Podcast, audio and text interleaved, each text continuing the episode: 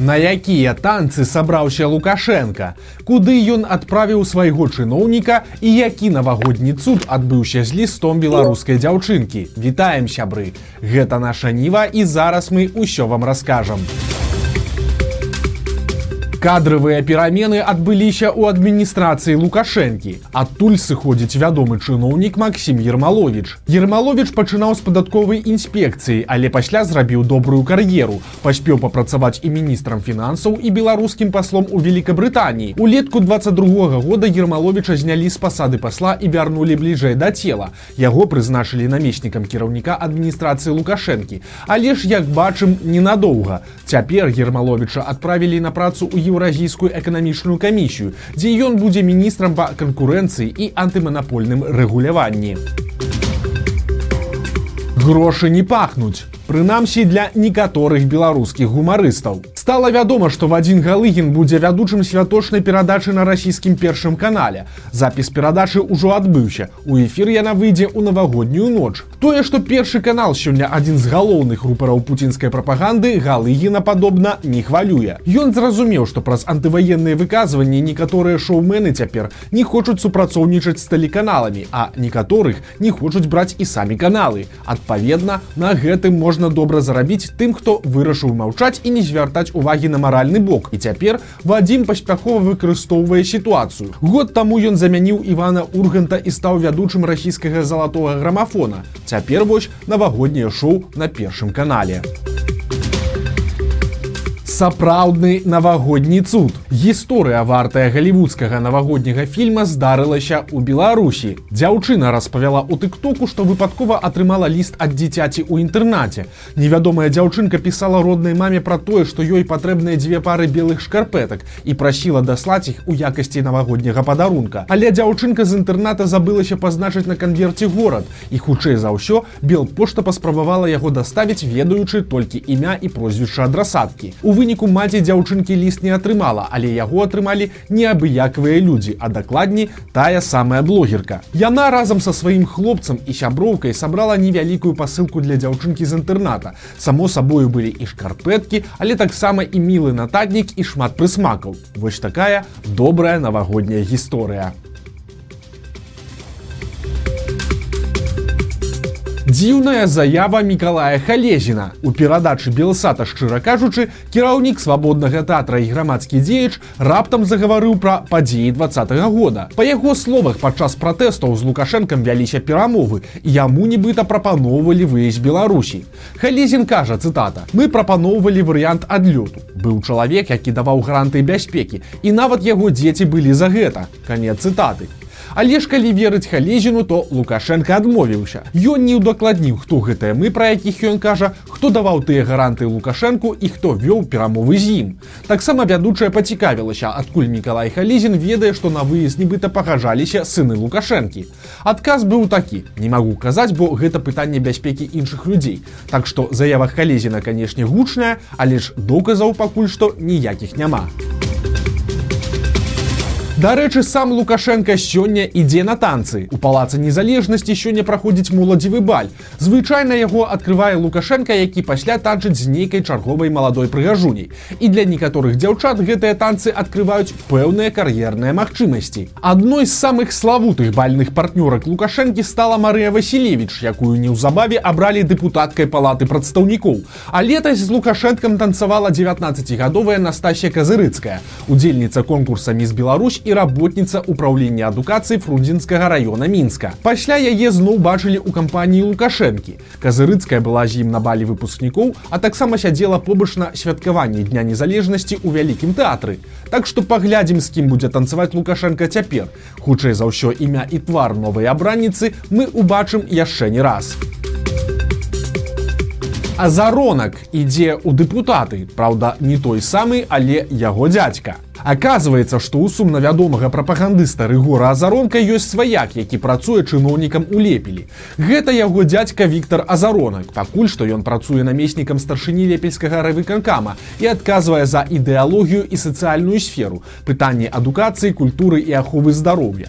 Але ж як бачым яму вельмі хочацца ў сталіцу і ён збіраецца балатавацца ў дэпутаты па сваёй лепельскай акрузе. Прычым верагодна пройдзе, бо пакуль што Віктор Азаронак увогуле адзіны кандыдат па той акрузе. Віктор Азаронак родны брат бацькі рэгура азаронка Юрыя, які таксама быў вядомым прапагандыстам. Супадаюць у іх не толькі імёны па бацьку і прозвішчы, але і погляды. У мясцовых раёнках будучы дэпутат славіў лукашэнку, асужаў эмігрантаў і краіны захаду, а цяпер падобна атрымае за гэту цукерку ў выглядзе дэпутацкага крэсла гродзенскі пенсіянер звярнуўся ў міліцыю з незвычайнай скаргай. Аказалася, што дзядуля зайшоў мясцовую установу з гульнявымі аўтаматамі, каб скарыстацца прыбіральнай, але пасля не стрымаўся і вырашыў папытаць сваю удачу на аўтаматах.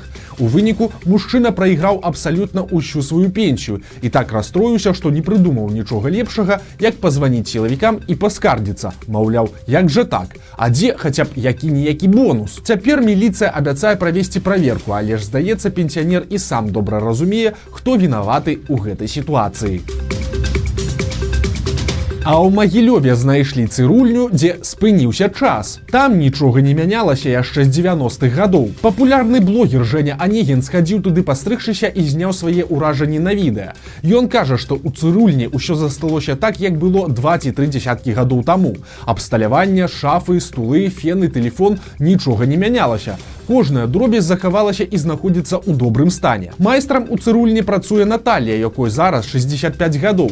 Яна тут з першага дня працы, а стрыжка абышлася хлопцу ўсяго толькі ў 5 рублёў. Прычым блогер сказаў, што пастрыглі яго лепш, чым у сучасных барбершопах. Можа папулярнасць серыяла слова пацана грае сваю ролю, але відэа з цырульні сабрала ўжо больш за паўтара мільёны праглядаў, а ў каментарах у асноўным суцэльнае замілаванне сціплай цырульняй. У мінску раскрылі злачынства праз чвэрць стагоддзя. Усё здарылася ў навагоднюю ноч 25 гадоў таму. 31 снежня 97 -го года сталічны прадпрымальнік паехаў на сустрэчу з кампаньёнам і знік. Праз некалькі дзён ад яго паступіў званок знаёмым. Мужчына прасіў пазычыць яму 53 тысячи даляраў, але дзе ён і што з ім казаць не хацеў. Вядома было, што ён меў праблемы і мусіў вярнуць доўг у 60 тысяч даляраў, але ж не меў такіх грошай. Тады следчы не змаглі высветліць высветліць дзе бізнесмен і што з ім здарылася. Нечаканы працяг адбыўся праз год. Тады знаёмыя зніклага якім ён быў вінен грошы нечакана атрымалі пасылкі з бомбамі. Абышлося без ахвяр але на адной з пасылак эксперты заўважылі адбітак пальца. І толькі сёлета калі той стары адбітак супаў з адбіткам жыхара гомельшчыны стала вядома што адбылося 25 гадоў таму. Аказалася што і кампаньён бізнесмена і той хто пазычыў яму грошы стаміліся ад даўгоў і вырашылі пытанне радыкальна калі бізнесмен паехаў на сустрэчу яго звязалі і некаторы час утрымлівалі на здымнай кватэры. Там прымушалі званіць знаёмым і шукаць грошы. Калі нічога не атрымалася мужчыну вывезлі ў лес дзе і закапалі. А пасылкі з выбухоўкай мужчыны адпраўлялі самі сабе каб усе думалі што зніклы на самай справе жывы і цяпер спрабуе вось так пазбавіцца ад крэдытораў. У выніку толькі цяпер следчыя знайшлі цела бізнесмена ў лесе. Па справе затрымалі шесцярых чалавек. Пяцярых пакінулі пад вартай падобна што ім пагражаюць абвінавачванні ў выкраданні чалавека вымагальніцтве і забойстве. Але ўсе падрабязнасці будуць вядомыя пазней бо расследаванне яшчэ працягваецца А ў мінскім банку скралі 17 тысяч еўра просто пасярод белага дня. Жыхар гродна захацеў набыць аўто з Еўропы і каб перавесці грошы на замежны рахунак, ён знайшоў пра знаёмых чалавека згоднага дапамагчы з афармленнем. Гродзенец узяў грошы і прыехаў у мінск, дзе сустрэўся з тым пасярэднікам у аддзяленні аднаго з банкаў. Але далей пачаўся цырк. Той пасярэднік, як толькі атрымаў грошы, просто выбег з будынку, сеў у машыну без нумароў і кінуўся на ўцёкі. Праўда, няўдала пацярпелы пайшоў у міліцыю. Хутка затрымалі і рабаўніка і двух ягоных памагатых якія былі ў той машыне. Цяпер іх чакае крыміналка а гора рабаўніку свеціць да 8 гадоў калоніі Не спыняюцца палітычныя затрыманні. Цяпер схапілі звычайнага вартаўніка аднаго з гаражных кааператываў. Мужчыны прымусілі на камеру расказваць, што ён пісаў каментары для падтрымкі пратэсных настрояў і заклікаў да пакарання смерцю сілавікоў.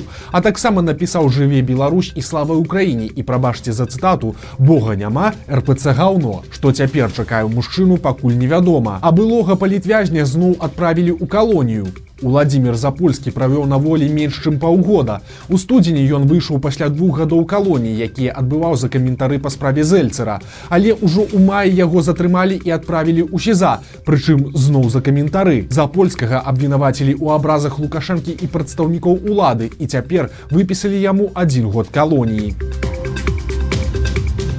Калі вы думаеце, што падтрымка лукашэнкі альбо маўчанне выратуюць ад праблем, то зусім не. Працягваюцца прыгоды старшыні гомельскага праўладнага прафсаюза татяны хацковай. Не так даўно хацкову затрымалі і асудзілі на 15 сутак за экстрэмізм. У яе садсетках знайшлі спасылку на нейкую забароненую уладамі інтэрнэт-суполку. Хацкова бажылася, што ні ў чым не вінаватая. Маўляў, яна згубіла свой телефон і тую спасылку размясціў нехта іншы. Але ж у суде ёй не поверылі і адправілі сядзець сядзець на суткі. Далей весялей. Бо цяпер з гомельскага сайта прафсаюзаў банкаўскіх і фінработнікаў, якім кіравала хацкова раптам знікла яе прозвішча. Падобна, што пасля сутак за экстрэмізм жанчыну просто звольнілі з працы. Лаяльнасць, як бачым, не дапамагла. Ну і на развітанне пару добрых словаў ад легендарнага маляваныча. Аднойчы у мудрыца запыталіся, у чым мэта жыцця. Не ведаю, адказаў ён. А ў чым яе сэнс? Не ведаю, адказаў мудрэц. Дык што ж тады твоя мудрасць ведае пра жыццё. Мудрэц усміхнуўся. Для жыцця не так важная мэта і сэнс. Галоўнае адчуваць яе смак, бо лепей есці пірог, чым разважаць пра яго. Калі вы любіце, вы перастаеце быць проста чалавекам, а робіцеся водарам.